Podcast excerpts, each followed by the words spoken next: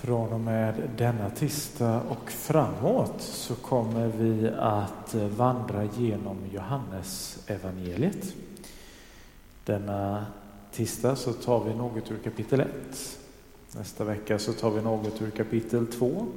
Veckan därefter så tar vi något ur kapitel 3 och så vidare. Och någon gång i början av nästa år så har vi då vandrat genom Johannes evangeliet.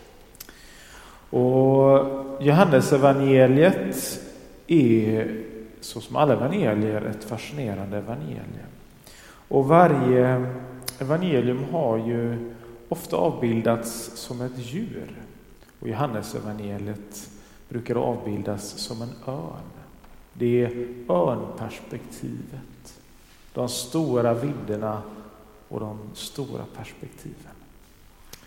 Och jag ska nu läsa de första 18 verserna ur Johannes evangeliet. I begynnelsen fanns ordet. Ordet fanns hos Gud och ordet var Gud. Det fanns i begynnelsen hos Gud. Allt blev till genom det och utan det blev ingenting till av allt som finns till. I ordet var liv och livet var människornas ljus. Och ljuset lyser i mörkret och mörkret har inte övervunnit det. Det kom en man som var sänd av Gud. Hans namn var Johannes. Han kom som ett vittne för att vittna om ljuset så att alla skulle komma till tro genom honom. Själv var han inte ljuset, men han skulle vittna om ljuset. Det sanna ljuset som ger alla människor ljus skulle komma in i världen. Han var i världen och världen hade blivit till genom honom, men världen kände honom inte.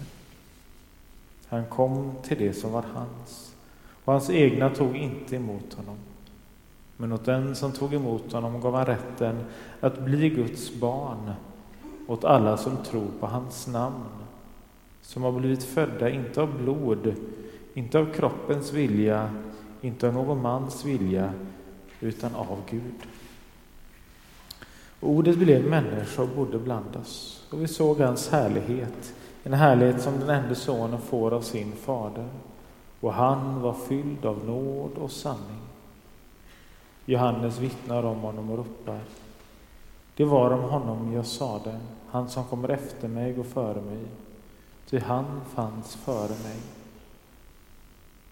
Av hans fullhet har vi alla fått del, med nåd och åter nåd.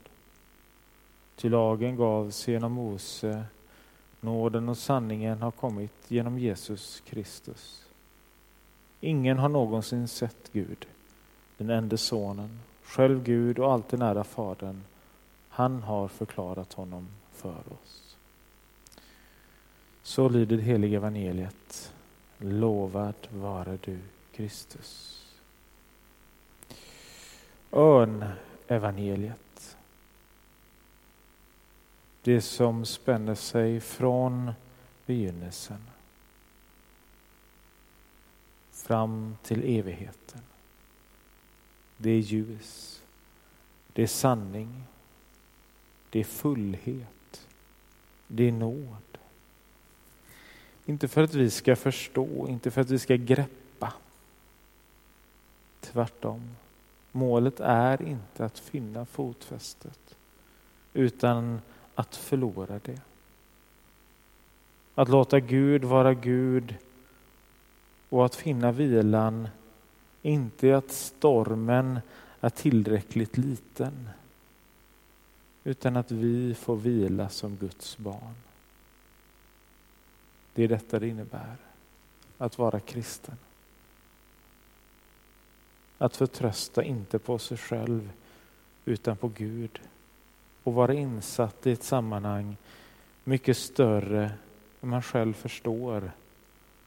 Och att vara det genom Guds son Jesus Kristus. Men åt dem som tog emot honom gav han rätten att bli Guds barn åt alla som tror på hans namn.